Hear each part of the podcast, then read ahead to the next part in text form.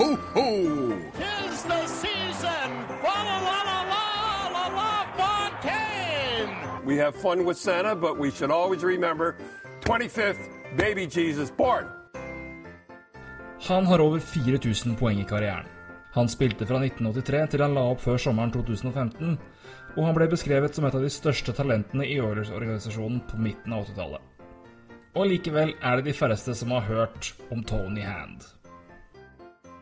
Skotten ble født i 1967 i Edinburgh. Som 16-åring debuterte han i den britiske ishockeyligaen og skåret 85 poeng på 30 kamper.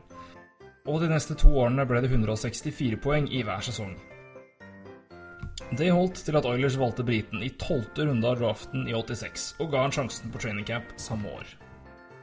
Der imponerte Hand såpass på rekke med Gretzky og Messier at Oilers overtalte han til å bli værende i Canada og spille juniorhockey.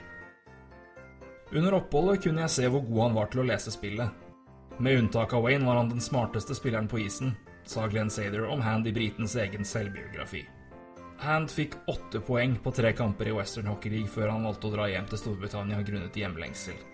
Og der ble han værende hele karrieren og knuste rekord på rekord de kommende 20 årene. Men det frister å tenke hva om